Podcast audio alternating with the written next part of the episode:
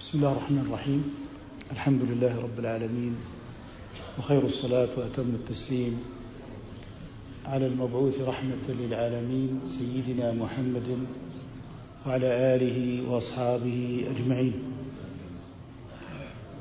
بادئ ذي بدء أحييكم جميعا بتحية الإسلام. فالسلام عليكم ورحمة الله وبركاته.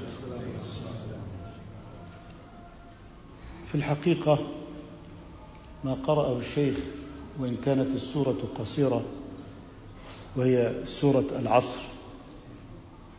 كان بعض الأئمة عندما يسمع قسم الله سبحانه وتعالى بقوله والعصر إن الإنسان لفي خسر إلا الذين آمنوا وعملوا الصالحات وتواصوا بالحق وتواصوا بالصبر. فيقول الأصل أصبح في الإنسان الخسارة. وكل هذه الموجودات وكل هذه الكائنات والمسخرات من أجل هذا الإنسان. فكيف تصبح الخسارة هي الأصل والنجاة هي الاستثناء؟ إلا الذين آمنوا وعملوا الصالحات. قال فبقيت هذه الأسئلة تدور في ذهني إلى أن سمعت يوما بائع الثلج. وهو يقول ارحموا من يذوب رأس ماله. ارحموا من يذوب رأس ماله. بائع الثلج. إذا نظرت إلى رأس ماله يتقاطر ماء ويذهب. خلاف صاحب الدكان سلعه محفوظة. صاحب معرض السيارات صاحب الأقمشة صاحب الجلود. هؤلاء سلعهم محفوظة ويغلقون باب الدكان عليها. أما بائع الثلج فرأس ماله ينزف. قال فلما سمعته يقول ذلك قلت نحن جميعا نفقد رأس المال. وهو العمر. وهو إيه؟ العمر. فالعمر يتقاطر ويذهب ورأس مال الإنسان هو العمر. ففي كل يوم يخسر من رأس ماله. قال فهذا بائع الثلج لفت انتباهي إلى تفسير هذه السورة. أنه كل الناس في خسران لأنهم يضيعون أوقاتهم كما تراه في الذين يجلسون على المقاهي ويجلسون أمام التلفاز بالساعات الطويلة فيما يضر ولا ينفع. فهذا الإنسان صار أصله في في رأس المال أنه يخسر يوما بعد يوم. فلذلك هذه الآية تعتبر عنوان لمن أراد أن يحافظ على رأس ماله. فنسأل الله سبحانه وتعالى أن يمكننا من استثمار رأس المال وهو هذا العمر. موضوعنا اليوم هو الصلاة عمود الدين. ليس هذا هو الموضوع. الموضوع لماذا الصلاة عمود الدين؟ يعني عندما نتكلم عن هذه الصلاة خمس صلوات في اليوم والليلة. هذه الصلوات مفروضة. أما الصلوات التي هي فروض كفايات والصلاة التي هي سنن كفايات والصلاة التي هي نوافل فهذا أمر آخر. فالنبي صلى الله عليه وسلم والعلماء دائما يؤكدون أن هذه الصلاة عمود الدين. ما ماذا يعني ذلك؟ أنه التفريط في العمود يعني انهيار البناء. يعني هناك أركان للإسلام. الشهادتان إقام الصلاة إيتاء الزكاة صوم رمضان وحج البيت. هذا هو الدين. طيب أليس الإيمان من الدين؟ الإيمان من الدين. ما هو الإيمان؟ أن تؤمن بالله وملائكته وكتبه ورسله واليوم, القدر واليوم الآخر والقدر خيره وشره. طيب. طيب. وما هو الإحسان؟ أن تعبد الله كأنك تراه. إن لم تكن تراه فإنه يراك. هذا حديث جبريل. ثم بعد ذلك لما سأل عن الساعة قال ما المسؤول عنها بأعلم من السائل. فقال أخبرني عن أمارتها. الأمارة وليس الإمارة. الإمارة الحكم. الأمارة العلامة. فلما سأل عن الأمارة قال أن ترى الحفاة العراة رعاء الشاء يتطاولون في البنيان وأن تلد الأمة ربتها ثم ختم الحديث فقال هذا جبريل أتاكم يعلمكم أمور دينكم. إذا ما هو الدين؟ هو الإيمان بأركانه هو الإسلام بأركانه هو الإحسان. اللي هو مقام الأخلاق. مقام الأخلاق الإحسان. يعني مقام الأحكام في الفقه الذي هو الإسلام. الاعتقادات الباطنة محلها القلب الإيمان. طيب وعلامات الساعة؟ فقه المتغيرات. فقه ليه؟ المتغيرات. وهذه لم ينشغل بها العلماء كثيرا.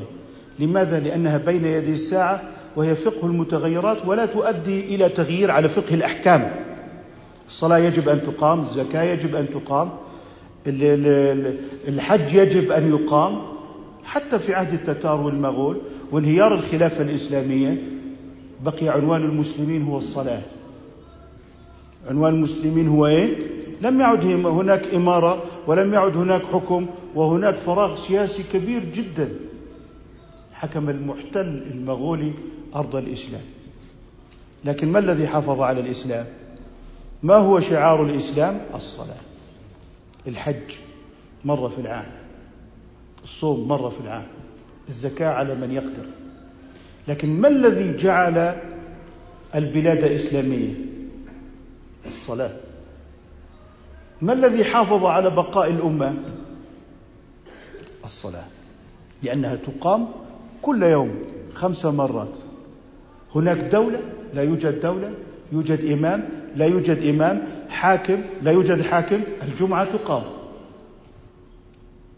لذلك على مر التاريخ الإسلامي كانت إذا سقطت الدول والخلافة كانت الصلاة تسترد الامه من جديد لأن الجمعة ما زالت موجودة. فلذلك عندما نتكلم عن الصلاة أنت لا تتكلم عن ركن خاص بنفسه. أنت تتكلم عن ركن الدين كله. عن ركن الدين كله. إذا زال زال الدين كله. يعني ماذا يعني؟ يعني لا يبقى إيمان. يعني تزول الشهادتان. لا يبقى الصيام. لا يبقى حج. لا تبقى زكاة. فإذا زالت هذه فمن باب أولى أن يزول مقام الإحسان. وإذا طلعت الساعة أتباع الدجال الذين يتبعونه كثر. فلذلك إذا رأيت ونظرت وتأملت ستجد أن الدولة الحديثة لو زالت تزول الجنسية تزول الأشكال القانونية جميعا. تزول الاشكال القانونيه قد يتغير الأمر على الجنسية. تزول كل المراكز القانونية. لذلك هي دولة خشبية. عبارة عن مكاتب خشبية. فإذا زالت الدولة مركز قانوني لم يعد بقاء لا لدستور ولا لقانون ولا لنظام ولا لتعليمات لم يبقى شيء. الإسلام ليس هكذا. فلتزل الخلافة العباسية كما زالت على يد المغول والتتار. لكن الإسلام ليس دولة بيروقراطية تديرها مكاتب خشبية. لماذا؟ لأن هذه الصلاة كفيلة بتجديد الدين كل يوم خمس مرات. حروب استعمارية تزول كل مقومات الدولة للجزائر والمغرب وكذا. ما الذي يبقى من معالم الإسلام كل يوم؟ لا يبقى إلا الصلاة. أما الزكاة والحج فهي على من يستطيع. وكان شيوخنا في المغرب يقولون لا يقرأ كتاب الحج كثير من الناس لأن الحج يحتاج من الوقت سنة ذهابا وسنة إيابا. فكانوا لا يقرؤون كتاب الحج لأن لا أحد يستطيع أن يحج. أما الفقر فقد ضرب بأطنابه. فالزكاة لا تقوم إلا قليلا. لكن الصلاة هي التي تحفظ بقاء الأمة لأنها شعار يومي خمس مرات إعلان فوق دستوري للأذان. الله أكبر الله أكبر. أشهد أن لا إله إلا الله. أشهد أن لا إله إلا الله. أشهد أن محمد رسول الله. أشهد أن محمد رسول الله. هذا إعلان فوق دستوري يعني يحكم الدساتير. أي دستور يخالف هذا الإعلان فوق الدستوري يطرح لا قيمة له في قلب كل مؤمن ومؤمنة. لذلك أنت عندما تسمع الأذان أنت تسمع إعلانا فوق دستوري فوق القوانين أن كل شيء أصغر من أمر الله. أيا كان ذلك الآمر وأيا كان ذلك الأمر وأيا كان ذلك المأمور. فلذلك المعنى في الأذان. حتى ختم المسلمون الأذان بكلمات ليست من الأذان وهي الصلاة على النبي والترضي على جميع الصحابة وهي كلمة ليست من الأذان هي مجاورة للأذان. لماذا؟ إعلان موقف الأمة من عدالة الصحابة.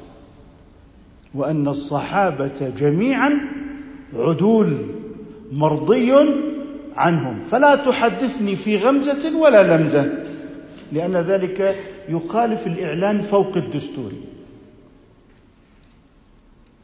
فالصحابة فوق أي محاسبة من قبل أقزام القرن الواحد والعشرين لأن هؤلاء ليسوا في مقام المحاسبة لمن ضرب بسيفه بين يدي رسول الله في بدر وأحد والخندق وبذلوا المال والنفس بين يديه ولم يدخروا شيئا لا من نفس ولا من مال ولا من وقت ولا من ولد ولا من تلد. لذلك لما ظهرت شعارات الطوائف التي ما منها إلا ومن يغمز في واحد من الصحابة من خوارج وشيعة وغيرهم. فقالوا لابد أن نظهر شعار الإسلام. لذلك أنت بتسمع الصلاة على النبي والترضي عن الصحابة وكلمة إيه؟ أجمعين. لا يوجد استثناء. في بعض البلدان أحيانا بين يدي الجمعة يقرؤون وما محمد ما كان محمد أبا أحد من رجالكم لإبطال الولاية في البنين. محمد لكل الأمة صلى الله عليه وسلم. ما جاء ليكون والدا لفلان وليس والدا لفلان. هذا للأمة كلها. اذا الصلاة هذا الشعار اليومي خمس مرات يجتمع الناس فيه خمس مرات في مساجد الأحياء لكن أيضا هناك اجتماع أكبر في يوم الجمعة. وتصبح الصلاة واجبة في الجمعة على الذكر البالغ العاقل غير الحاضر غير المسافر إلى آخره. اجتماع عام. ايا كانت تلك الخطبة لم تعجبك يكفينا أن الإمام خرج وأظهر شعار الإسلام. وأمر بالمعروف ونهى عن المنكر ولو كانت تلك الكلمات مهما كانت. فلذلك عندما تذهب يوم الجمعة إلى الجمعة وتغتسل وتلبس أحسن الثياب وتستعطر وتذهب لتنتظر الإمام قبل أن يخرج الإمام. قبل أن يخرج الإمام. ثم يأتي الإمام ويصعد المنبر وتكون أقدامه في مستوى فوق رؤوسنا أي قناة فضائية أي محفل عالمي يحصل فيه هذا المشهد. وإذا حدثت من بجوارك قلت له افعل أو لا تفعل فقد لغوت ومن لغى فلا جمعة له. ممنوع. وتجلس متطهرا من الحدث الأصغر والأكبر. هل يوجد محفل في العالم؟ يرقى إلى مستوى أي محفل جمعة؟ بصرف النظر عن موضوع الخطبة. بالتأكيد بعض الناس له ملاحظة عن الخطبة. أنا لا أتكلم عن رأيك في الخطبة. أنا أتكلم عن الصلاة. عن الصلاة. أي مجلس في العالم يخطب فيه أعظم رئيس في العالم؟ يشترط أن يكون الجالسون متطهرين. أي رئيس في العالم يحرص الناس على السكوت وإلا من لغى فلا جمعة له. لا يوجد. بعضهم كاره. بعضهم ينافق. بعضهم يرائي أما هؤلاء فقد جاءوا ليؤدوا واجب الحق لله عز وجل. إذا في معاني في يوم الجمعة لا ترقى إليها كل وسائل القنوات الفضائية التي دفع عليها الملايين. من يجلس أمام أي قناة فضائية متهيئا متوضئا على جنب يدخن يفعل ما يشاء ينكت يضحك يسخر كذا. هذه قنوات لا توازي خطبة الجمعة. خطبة الجمعة في أي مسجد ولو كان مسجدا من المساجد في الأحياء الصغيرة أقوى في تأثير خطبة الجمعة من أي أكبر قناة فضائية. مهما كانت يكفيك حجم الاستعداد للمصلين الجالسين. بس. فلذلك عندما تتكلم عن الصلاة أنت تتكلم عن مظهر من مظاهر بقاء الأمة لا يزول. فالنبي صلى الله عليه وسلم في مرضه الذي لحق فيه بربه عليه الصلاة والسلام أمر أبا بكر أن يصلي بالناس. قال مروا أبا بكر فليصلي بالناس. وهو في فراشه وقد أضنته الحمى. يطل من كوة نافذة من حجرته كانت صغيرة الحجم لكن هي مهبط الوحي في قصور لكن لا يذكر فيها الله. لكن في حجرة صغيرة طينية ممكن بالمساحة أضيق من مطبخ بعضنا. يعني ممكن مطبخ بعضنا يشمل حجرة علي والرسول صلى الله عليه وسلم وحجرات كثيرة. المطبخ. لكن لا يوجد فيه مهبط للوحي والذكر والعبادة التي كانت تقام في تلك الحجرة الطينية. فيطل من الكوة على الصحابة ويبتسم. وهم يصلون بصلاة أبي بكر في حياة نبيهم. اذا ما الذي طمأنه على الأمة؟ الصلاة. لقد اجتمعوا على إمام منهم في حياة نبيهم. اذا بدأت المسيره هذا مطمئن على أن الدعوة تسير. حتى في إحدى الليالي خرج عليهم فشعروا به بالنبي صلى الله عليه وسلم ففتحوا له الإيه؟ الطريق. فتقدم رسول الله. فأمر أبا بكر يس أن يبقى في صلاته بالناس. فتأخر أبو بكر. فصار الناس يصلون بصلاة رسول الله. أبو بكر يصلي بصلاة رسول الله. والناس يصلون بصلاة إيه؟ أبي بكر. الصلاة. فنظر إليهم فوجدهم مجتمعين في صلاتهم. الأمة التي تتفرق في الصلاة تتفرق في الحكم والدولة. الأمة التي تتفرق في الصلاة تتفرق في المجتمع. تضيع الصلاة فهي لما سوى الصلاة أضيع.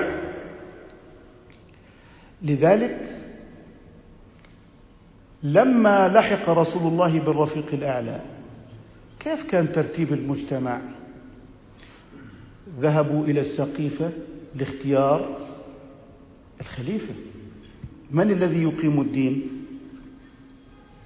من الذي يدبر الأمور؟ إقامة الدين واجبة. وهناك من الواجبات ما لا يكون إلا بتطبيق الأحكام. فلما ذهبوا إلى السقيفه ووجدوا الناس يعني يتكلمون في البيعه وما إلى ذلك. في النهاية أنا سأذكر الحلقة الأخيرة. الحلقة الأخيرة. ماذا سبق من تفاوض؟ هذا مداولة. ما هي الكلمة الحاسمة في جمع كلمة الأمة على أبي بكر؟ قالوا لقد رضيه رسول الله لأمر ديننا اللي هو الصلاة. أفلا نرضاه لأمر دنيانا؟ فقيست الامامه الكبرى على الامامه الصغرى في الصلاة. فكانت جماعتهم عليه في الصلاة سببا لجماعتهم عليه في الامامه في الحكم. فهذه الأمة المرحومة. مؤمنة بهذه الصلاة. فجمعهم الله على أبي بكر رضي الله تعالى عنه. على أي أصل وأي أساس؟ على أساس الإمامة في الصلاة. اجتمعنا عليه في الصلاة فلنجتمع عليه فيما هو أقل أهمية وهو أمر الدنيا والقضاء والبيوع والحدود ومسائل السياسة. فكانت الجماعة في الصلاة سببا للجماعة في المجتمع. اذا ما الذي حفظ الدين؟ لولا أن الصلاة والإمامة موجودة لضاعت الأمة. لفقدوا الأصل على أي أصل نقيس؟ فجمعهم الله على أبي بكر. اختلفوا في موته. هل هو كما وعد الله موسى هل له رجعه فاختلفوا فجمعهم الله على أبي بكر. وقال من كان يعبد محمدا فإن محمدا قد مات ومن كان يعبد الله فإن الله حي لا يموت. اختلفوا في ميراث الجد فجمعهم الله على أبي بكر. اختلفوا في دفنه أيدفن في مكة؟ أم يبقى في المدينة؟ فقال أبو بكر سمعت رسول الله يقول الأنبياء يدفنون حيث يموتون. فجمعهم الله على أبي بكر. اختلفوا في الردة وحرب الردة فجمعهم الله على أبي بكر. اختلفوا في كذا فجمعهم الله على أبي بكر. اختلفوا اختلفوا فجمعهم الله على لماذا؟ لأن الرسول جمعهم عليه في الصلاة. جمعهم عليه في الصلاة. فلذلك وكانت خلافته قليلة. نحو من سنتين تزيد قليلا. ومات بالحمى. رضي الله عنه. اذا بما حفظ الله بيضة الدين بالصلاة. اذا أتاكم جبريل يعلمكم أمور دينكم. الصلاة عمود الدين هي عمود كل الدين. لكن علينا أن نحفظ معناها قبل أن نحفظ مبناها. ليست الفاظا تحكى كالأناشيد المدرسية تردد وهم لا يعلمون معناها. احفظ الأناشيد يضرب على الأناشيد لا يعرف ما معناها. هكذا. لا الله أكبر ليست من الأناشيد. الله أكبر دع كل شيء وأقبل على ربك. أنت في موعد مهم. اجتماع مغلق. لا طعام لا شراب لا كلام لا التفات يمين لا التفات يسار. مغلق. أنت في اجتماع مغلق. لا يدخل عليك بينك وبين الله أحد. حتى الذي يمر من بين يديك آثم. حتى لا يشغلك. يكره تزيين القبلة للمصلي. لماذا أنت في اجتماع مغلق؟ فلا يكون شيء حاجب بينك وبين ربك. قبل هذا الاجتماع المغلق في استعداد وهو الوضوء غسل أعضاء الوضوء إتقان غسل أعضاء الوضوء لذلك لما بيقول إنه إذا رأيتم الرجل يعتاد المساجد فاشهدوا له بالإيمان، المسألة ليست قضية إنه ذهب وجاء. قضية أنه يقوم بمعنى عظيم وهذا لكل أحد. لكل أحد. لأنه يقيم شعار الإسلام. ماذا لو لم تكن صلاة؟ لا يوجد مساجد. لا يوجد مساجد. أنت تمر لا يوجد مآذن لا يوجد قباب لا يوجد أذان طيب افترض جاء رمضان بعد عام لا يوجد صلوات خمس كل يوم ماذا يصبح رمضان شهر سياحة ورحلات وعطلات لا يبقى رمضان من الذي لم يقف بين يديه كل يوم خمس مرات. كل يوم تعبد. كل يوم نية تعبد. كل يوم. خمس مرات ناهيك عن النوافل. إذا لما أنت تدخل في التعبد بشكل يومي وضوء قبل أذان الصبح وفي الليلة المطيرة والباردة تتوضأ وتغمس وجهك بالماء. هذا تدريب استعدادات على كل أعمال الدين لأنها مشاق بدنية. مشاق بدنية. لا تقبل الوكالة لا تقبل النيابة. ممكن توكل بالزكاة؟ عادي. بس ما في وكالة بالصلاة. مات لم يصلي لا يقضي أحد عنك. عبادة بدنية. كل يوم في نية تعبد لله.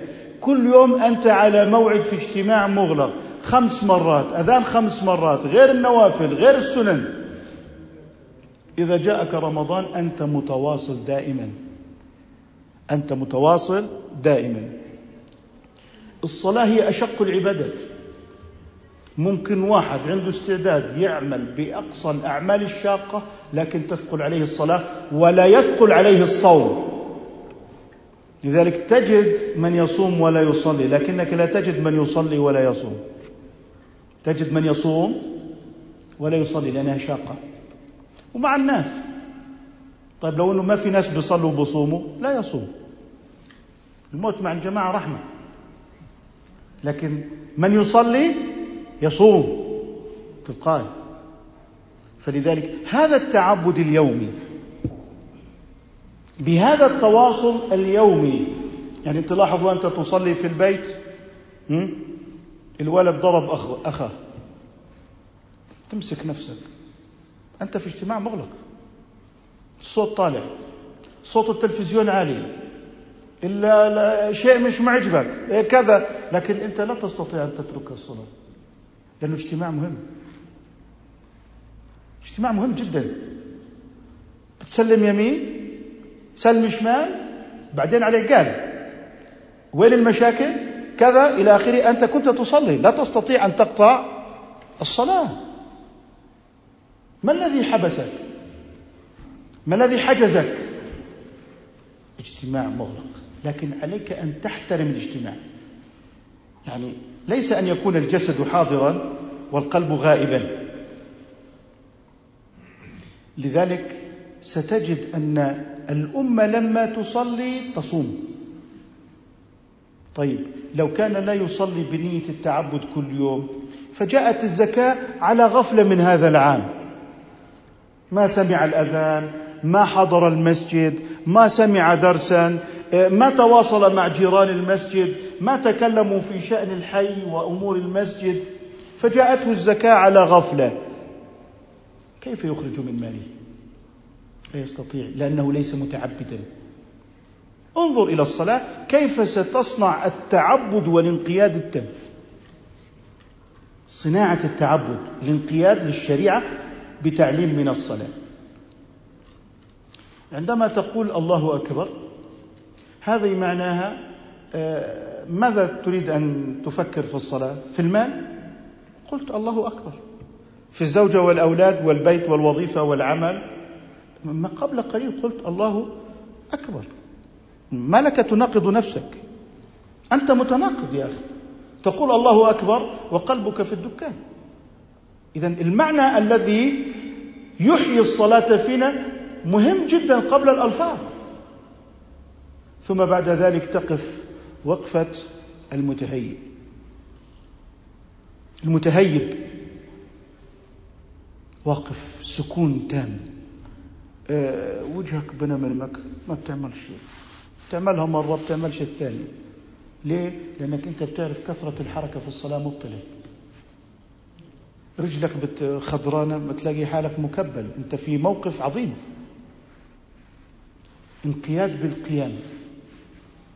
طيب والقراءة؟ القرآن في الصلاة. طيب والأذكار؟ سبحان الله والحمد في الصلاة. والاستغفار؟ في الصلاة. طب كل العبادات في الصلاة. طب والصيام؟ ما أنت في الصلاة أصلا ممتنع عن الطعام والشراب. أنت ممتنع أنت لا تشرب. أنت وأنت في صلاة الجمعة افترض وقتا طويلا والإمام يخطب لا تشرب أثناء الإمام يخطب. الإمام يتكلم. إذا المعنى هو الذي يحيي الأمة. إذا أنت هنا في انقياد بالقيام بتجد أنك أنت لا تتحرك. الركوع تعبد. كل جلسات الخضوع التي اخترعها البشر في الصلاة قيام. جلوس. قيام. جلوس. أليس كذلك؟ الركوع السجود التحية. إذا الصلاة هي تدريب عملي على التعبد وليست حركات رياضية لا لأنها لو لم تكن بنية التعبد لم تصلح ولم تنفع صاحبها شيئا اذهب وتدرب يوغا أحسن. لا تنفعك. هذه ليست رياضية. الركوع ليس لتمارين الظهر والسجود ليس لتمارين الركبتين. هذه أفعال تعبدية انقياد كالصوم. يتعبد فرق بين الصوم والرجيم. تعبد. نية التعبد. فلذلك لما تجد الصلاة بكل حركات الخضوع والانقياد وجعلت العبد يتعلم الانقياد اليومي لما تأتي الزكاة مرحبا بالزكاة. النية التعبد حاضرة. هذا الذي يحفظ الإيمان. لو بعد الناس عن الصلاة سيأتي عليهم يوم لا يذكرون الشهادتين. وإذا جاء اليوم الذي لا يذكرون الشهادتين سيأتي يوم الذي يقول فيه الناس لقد أدركنا آباءنا يقولون هذه الكلمة. أشهد أن لا إله إلا الله وأشهد أن محمدا رسول الله. لكن بالتشهد تشهد لا شريك له. وأن محمدا عبده والسلام على عباد الله الصالحين. علاقة الأمة وحدة الأمة. فأنت كلما تصلي تسلم على كل عباد الله. حتى قال العلماء إذا أنت سألك كيف حال الوالد؟ تقول أبوي بيسلم عليك. أبوي بيسلم عليك. قالوا لا يكون كاذبا. حتى لو أبوه قال له لو أبوه قال ما قال له سلم على فلان. قال لأنه أبوه بيصلي السلام علينا وعلى عباد الله الصالحين فأنت صرت مسلما على كل صالح في السماء وفي الأرض. قالوا فهذا السلام على كل المسلمين. فلا تخن السلام. لا تخن أخاك في أقاصي الديار. فقد سلمت عليه قبل قليل. كن معه. ناصره. آزره. لا تخذله. قلت السلام علينا. وعلى عباد الله الصالحين. فالعبرة هي بالمعنى لا بالمبنى. ليست بالأناشيد. فلذلك الأمة عندما تحافظ على الصلاة تحافظ على بقائها. على بقاء الدين كله. فلو أن الصلاة تركت لا تنتظر بقاء الشهادتين. لا تنتظر بقاء الشهادتين والمتصفح للتاريخ. وحال هذه الأمة مع الغزاة والمستعمرين افلحوا في كل شيء إلا في استئصال الإسلام. ابدا. مستحيل. مستحيل. اعمل لعلمانية لا دينيين اعمل مسلسلات العلمنة مسلسلات الإلحاد مسلسلات التي تريد ما تشاء. في النهاية معاني الإيمان ستسترد داخل الصلاة. حتى لو لم يكن الناس مثقفين. حتى تعرض لهم الشبهة الشبهة مثلا ثم بعد ذلك يأتي الإيمان ليمحو هذه القلاقل التي يثيرها المنافقون. قل لي أيام الأمية في الأيام الاستعمارية القريبة وليست البعيدة كم مدرسة كان عندنا بالحي؟ ما في مدارس. ما في قراءة. هناك كتاب هناك شيخ هناك من يعلم الفاتحة. الذين حرروا الأمة هم طلاب الكتاتيب. طلاب الكتاتيب يعني ما دخل على الثقافة الجديدة. يحفظ القرآن الكريم وهو ابن عشر سنين. وقد مزج القرآن قلبه وفكره ونفسه في صياغة إيمانية لا يمكن أن تتزحزح. الكتاب اللغة العربية تعليم اللغة العربية تعليم البلاغة تقويم اللسان. الآن التعليم لم يعد كما كان. يعني كان مركزية التعليم القرآن الكريم. مركزية التعليم في اللغة في الأدب في الشعر. القرآن الكريم حاضر. فلذلك الذين تجد فترة التحرير هي قبل أن يدخلها التعليم الحديث. قبل أن يدخلها التعليم الحديث. أيام كان التعليم في الكتاب والطلاب مع شيخهم يقومون للصلاة وقت الصلاة. جزء مهم من حياة الكتاب أن الشيخ يؤم طلابه في الصلاة. أمر ليس بالأمر الغريب. هؤلاء عاشوا مع الصلاة مع أن الحواضر والمدن غزاها الاستعمار والغزو الخارجي لكن بقي الكتاب في القرى والبوادي. فكان التحرير يأتي من القرى والبوادي. فلذلك قيام الصلاة في حياة الأمة يحفظ بقاء ديار الإسلام. بقاء ديار الإسلام. قضية ليست قضية أنه تعمير المسجد فقط. لا بقاء الأمة في وجودها على أرضها مرهون بالصلاة. والأمة هذه في يومها الأول ومن يومها الأول ارتبط وجودها بالصلاة. لا تظن أن قضية الصلاة قضية فردية شخصية. اللي بيترك الصلاة بخلخل وجود الأمة لأنه ليس معا. أين يجلس الآن؟ إذا كان لا يحضر الصلوات الخمس ماذا يفعل الآن؟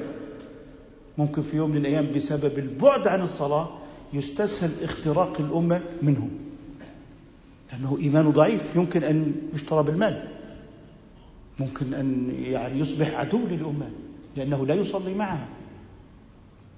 فمفارقة للأمة في الصلاة نذير خطر. لذلك على المصلين أن يتداركوا أخاهم بالسرعة الممكنة. إنه ممكن يتحول إلى عدو. لماذا؟ لم يسمع تلاوة القرآن في الصلوات ليل نهار. لاحظ الصلاة الجهرية تسمع الإمام. في الصلاة السرية هذه لك. الفردية والجماعة. نزاع العالم في الخصوصية. الخصوصية الخصوصية الخصوصية. لا هنا القانون يجب أن تلتزم بالقانون. القضية الموازنة بين الخصوصية والجماعة لا تستطيع الآن الدول أن تضبطها. يا إما يتغول الفرد على الجماعة يا إما الجماعة تلتهم الفرد وتأكله في أحشائه. شوفوا الصلاة النافلة هذه لك. هذه سنة. اختيار. لا هذه إلزام. هو ما أعطاك اختيار مشان تترك وتهمل لا. وأعطاك الاختيار مشان تقدر. لما أقول لك تعال إلزاما تيجي إلزاما. ما جعل لك كلها اختيار ولا كلها إجبار. في شيء الافضل صليه في بيتك. خير صلاة المرء في بيته إلا المكتوبة. لا في البيت. طيب والجماعة في المسجد. صلاة المرأة في المسجد كصلاة الرجل في البيت. المرأة بيتك خير لك. الرجل مسجدك خير لك. هذه هي الفردية والخصوصية. إنك أنت تأتي إلى الإمام فيحمل عنك الركن وأنت مسبوق. الإمام يحمل عنك الركن الذي لو صليت وحدك ستكون صلاتك باطلة لأنك لم تقرأ الفاتحة. فإذا جئت مسبوقا حمله الإمام. حمل الركن. طيب سهوك يحمله الإمام فيما سوى الأركان. اضبط تكبيرة الإحرام اضبط السلام. الإمام بعد ذلك ضامن. الإمام إيه؟ ضامن. سهوت لم تقرأ الفاتحة فاتتك قصدت في بعض الأذكار. الإمام ضامن أئمتكم شفعاؤكم. الإمام يعني نظرة إلى الإمام. الإمام ليس موظفا الإمام هو معيار لحياة الأمة وتعظيمها للصلاة. ما في تعظيم للإمام؟ ترى ما في تعظيم للصلاة. قدر الإمام أنه وقف في هذا المقام كموقف أبي بكر. اجتماع الأمة على الإمام. والله أنا في عندي بعض القضايا اللي فيها رأي في المسجد رأي الإمام حاسم. أنت لك رأي وهذاك له رأي لكن من يحسم الإمام. لذلك الأمة التي تجتمع على الإمام توفق. إحنا في المطر والبرد بيجتمعوا على الإمام في الجامع. ألو؟ إمام في جامع اليوم؟ لا يا أخي لا يوجد شروط للجمع خلاص لا تحسب حساب اليوم. أنا ما بجي. كأنه الجمع آه، آه، يعني آه، خصم على الصلاة يعني في ديسكاونت على الوقت. فإذا رأيت الفتاوى في الصلاة الفتاوى الشاذة عمت وطمت فاعلم أن هذا قيمة الدين في حياة الأمة. صل يا أخي الحظر بدون حظر حصل مطر خلص الإسلام دين يسر. فلما ترى هذا في الصلاة اعلم أنه لا عندك مشكلة أكبر أنه لا يوجد تعظيم لقدر الصلاة. الله سبحانه وتعالى يأمر النبي في الحرب وإذا كنت فيهم فأقمت لهم الصلاة فلتقم طائفة منهم معك. اذا وأنت في وسط المعركة إيه هو القيمة؟ الصلاة. طيب وإذا ما أقمتوش الصلاة انظروا لكم إلها آخر ينصركم. صلوا في وسط الحرب. إحنا الآن يا أخي الدين مش صلاة. الدين ما هو صلاة. الصلاة خمس دقائق. وأنت مكبر الموضوع. آه إذا كان على صلاتك صحيح مش صلاة لأنه هذا مش الدين. إذا كان على هذه الصلاة التي لا تراعي الأوقات التي لا تراعي الوضوء الصحيح التي لا تراعي شروط الجماعة ولا تراعي ولا تراعي صحيح. هذه أصلا هي عبارة عن جثة الصلاة وليست روح الصلاة. لكن من جاء إلى الصلاة بالتعظيم وهذا ما يعرف صدق العزم. يعني هذا بعيد عن المسجد خمسمائة متر وذاك بعيد خمسمائة متر. إيه، ألف لو كان بعيد اثنين كيلو يأتي ولو زحفا. الآخر الذي جاء لو زادت مئة متر صلى في البيت. الله يعلم هذا ويعلم هذا بس أنا وإنت ما بنشوف. هذا صادق في العجل. لو كان المسجد اثنين كيلو بيجي. فلذلك في أسرار كبرى تظهر في الصلاة. أصحاب العزائم يظهرون في الصلاة. المستهتر في الدين بيظهر في الصلاة. إذا أردت أن تعرف ما حال الفتاوي في الزكاة والبيع والشراء لا تبحثها جميعا. فقط قل لهم هاتوا فتاويكم في الصلاة. فإذا رأيتها شاذة وخربة لا تبحث في الزكاة فالأمر قضي.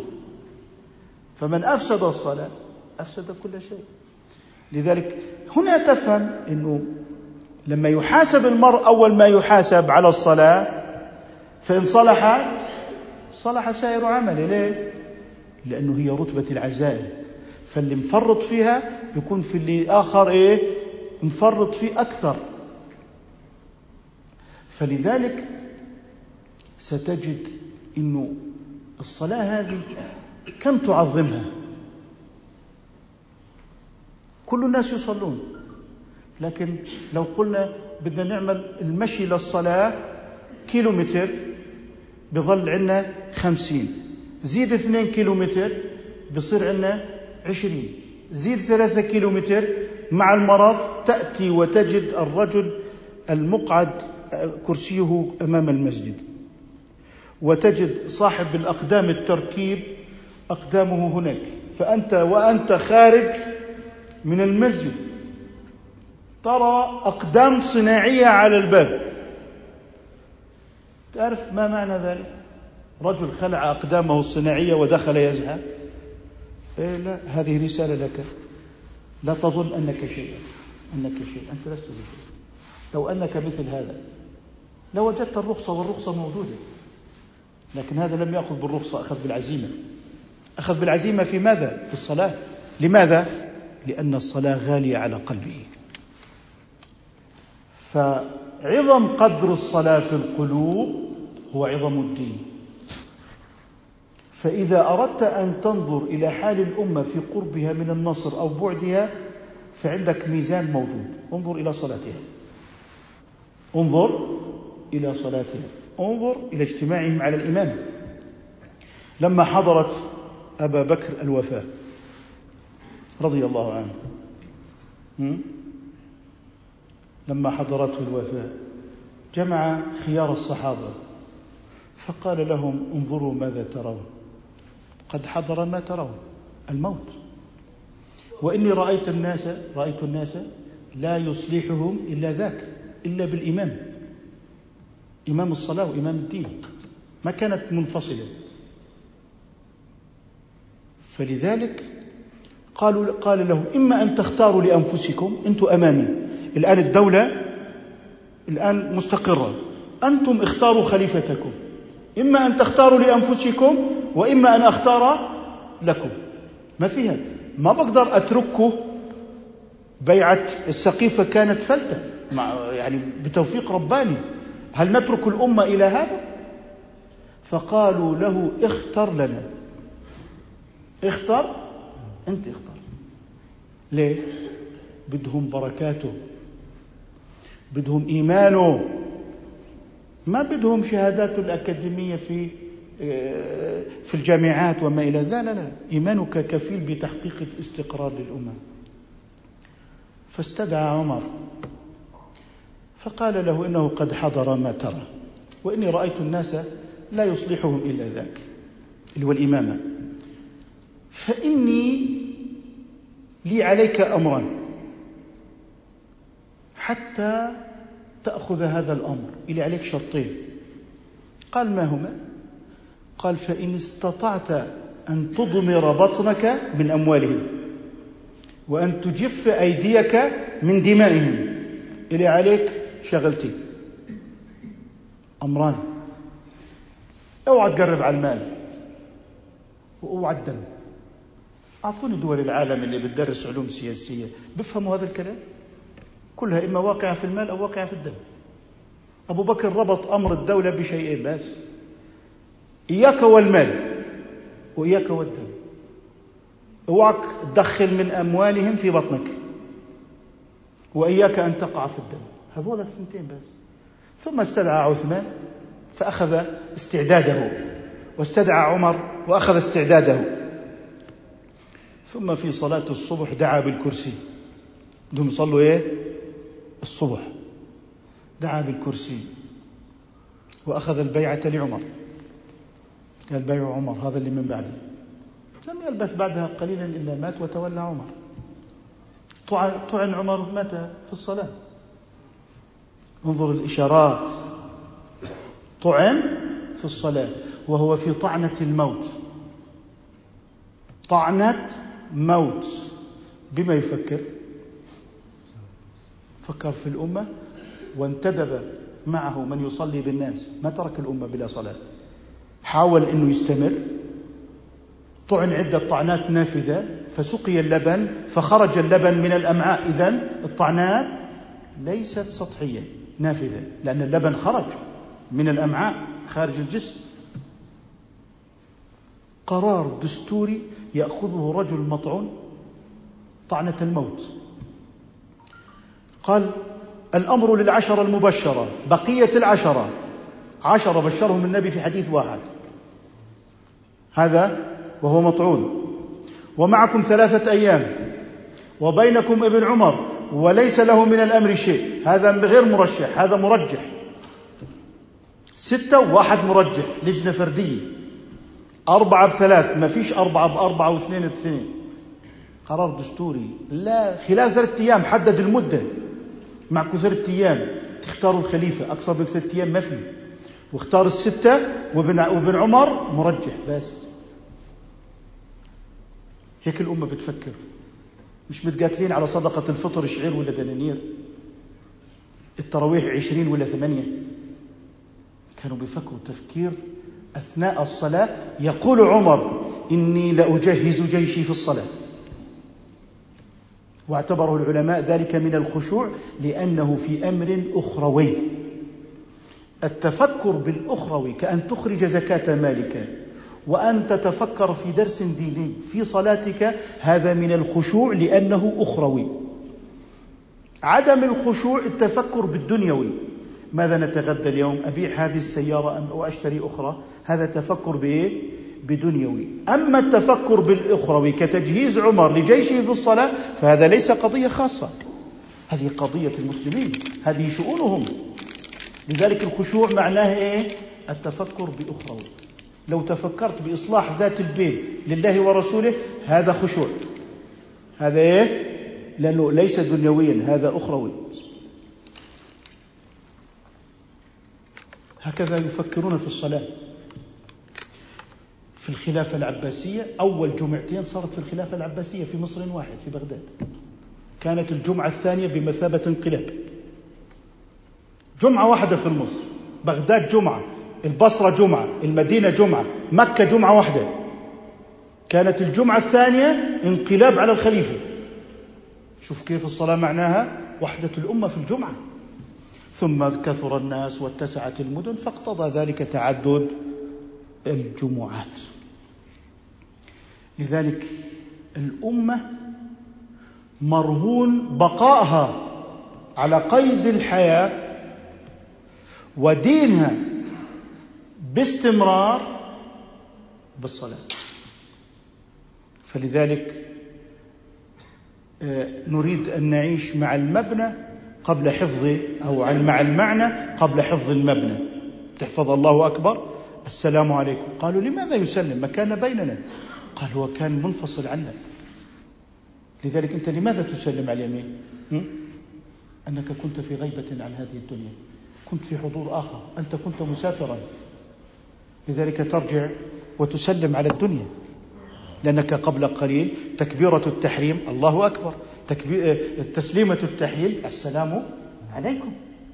إذا لقد كنت في غيبة عنا لكن لا ندري إذا كان في غيبة وفي سفر أم أنه كان حاضرا مقيما بيننا على العشاء وهو يصلي لكن بالصلاة بالجسد وبالطعام آه، بالروح. إذا قال فإذا فرغت فانصب أقبل على حاجاتك ثم انشغل بالصلاة. إحنا الآن آه، خليني أصلي لا تحطوا لك خليني أصلي لأني بدي أروح على الغداء وأنا متريح. وأنا مستريح. الناس اليوم إيه؟ تستريح بالغداء لا كان لا أحط الأكل أقبل على الحاجات أشبع النفس ورغباتها حتى تتفرغ لإيه؟ للمهم وهو الصلاة. لكن الآن لا لا خلينا أصلي أول برتاح بدي أقعد على الغداء ما فيش وراي حاجة. في فرق في المعنى.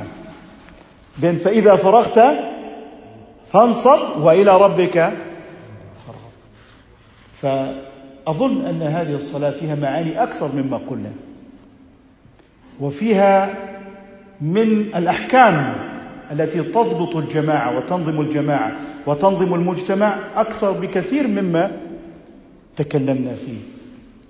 وما تكلمنا فيه سيبقى غيض من فيض. ومهما تأملنا بهذه الصلوات وما فيها من معان عظيمة وما فيها من حضور وما فيها إعداد للنفس الإنسانية على الانقياد وعلى التعبد الدائم حيث يبقى الحج وتبقى الشهادتان وتبقى الزكاة.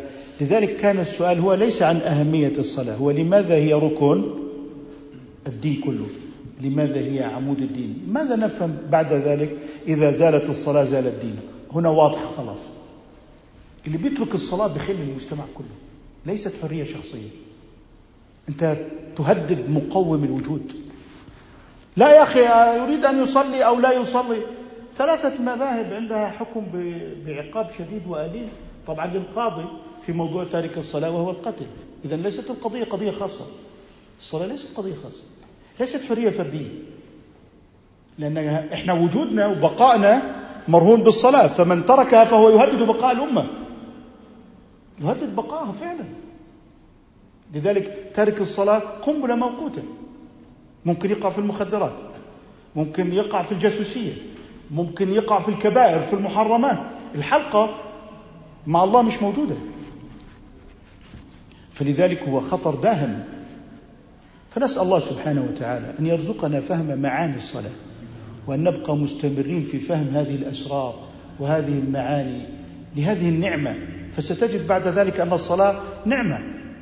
هي التي حفظت لنا وجودنا. هي التي حفظت البقاء.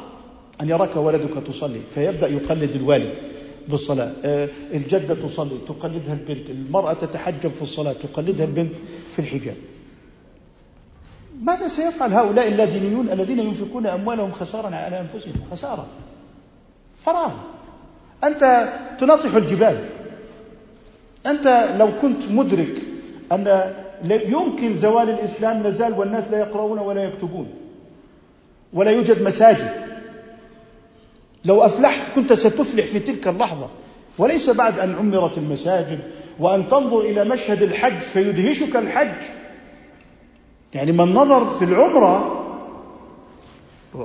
العيد الفائت اللي هو خلينا نقول في في آخر رمضان منظر مرعب للكافرين. منظر مخيف. مرعب. يعني يعني اذا إذا رآه الكافرون إلى هذا الحال افرض أننا صنعنا الآيفون والمسيرات. لا نستطيع أن نعمل كعبة ولا رمضان ولا نستطيع أن نعمل صلاة. نجمع الناس فيها. هم عاجزون عن هذا المنجز النبوي. صحيح نحن أخفقنا وما ينبغي لنا أن نخفق. في قضايا الصناعة والتجر وما إلى ذلك من الأعمال اللي هي مقومات القوة. لكن بضاعتنا لا تقلد. بضاعة الإسلام غير قابلة للتقليد. هناك صنع الآيفون نافسه في سامسونج. طب صنعنا الصلاة والكعبة والحج. اعملوا حجا. اعملوا حجا. اعملوا جمعة. أنا أتحداك أن يعملوا جمعة. لو أردت أن تدعو أهل الجمعة إلى أمر مهم في الحي لن تستطيع أن تظفر بعشر العدد. مع بطاقات وتأكيدات وجوائز وكذا لن يأتوك. بالجمعة سيأتون بدون دعوة. خلاص هذا واجب مفروض منه. لن يستطيعوا أن يأتوا بجمعة يحسدوننا على الجمعة. يحسدوننا على خطبة الجمعة. لأنهم يعلمون أن باطلهم كله لا يستطيع أن ينافس خطبة الجمعة. فالجمعة قادرة. اللي هي لو قال اتقوا الله بس. لو قرأ آية لا تزعل على مضمون الجمعة. أكيد أنه بعض الناس لهم مؤاخذات لهم كذا. لا أنا أقول عن كل جمعة في العالم العربي. الجمعة شعار الإسلام. والله كل العالم بيصنع طائرات ويصنع كل المسيرات لكن لا ينافسنا في الجمعة. ونحن يجب أن نكون صانعين. هذا لا شك فيه اللي هو القوة مهما كانت. لكن الذي نقوله النبوة غير قابلة للتقليد. ليست مكتسبة ليست مصنوعة. الصلاة ليست صناعية. الصلاة عبادة فرضت في السماوات العلى تنويها لأمرها. فرضت الزكاة في الأرض والصوم. النبي طلع مشوار على المعراج عليه الصلاة والسلام حمل الصلاة وجاءنا بالصلوات الخمس. خمس في الأداء خمسون في الأجر. فالله عز وجل ضعف عليك الكلفة وزادك في الإيه؟ الأجر. فاشكر الله على النعمة. نريد أن نكتفي بهذا القدر إن شاء الله. كم بقي للعشاء؟ خمس دقائق عشر. نكتفي بهذا القدر. بقي للعمل والتطبيق والاستعداد. فنسأل الله سبحانه وتعالى أن يرزقنا معاني الصلاة وأن يرزقنا حقيقة الصلاة وأن تكون هذه الصلاة في حياتنا معنى تعرج به الأرواح. إلى سماوات الله عز وجل ولا تبقى مكبلة في براثن الأرض وطينها وحديدها وأن تكون فعلا هذه الصلاة يستغاث بها. حتى إذا دعونا بها فالله عز وجل مجيب لنا مجيب لنا إن شاء الله تعالى. نكتفي بهذا القدر إن شاء الله تعالى. سبحانك اللهم وبحمدك نشهد أن لا إله إلا أنت نستغفرك ونتوب إليك ونأسف للإطالة والإثقال عليكم.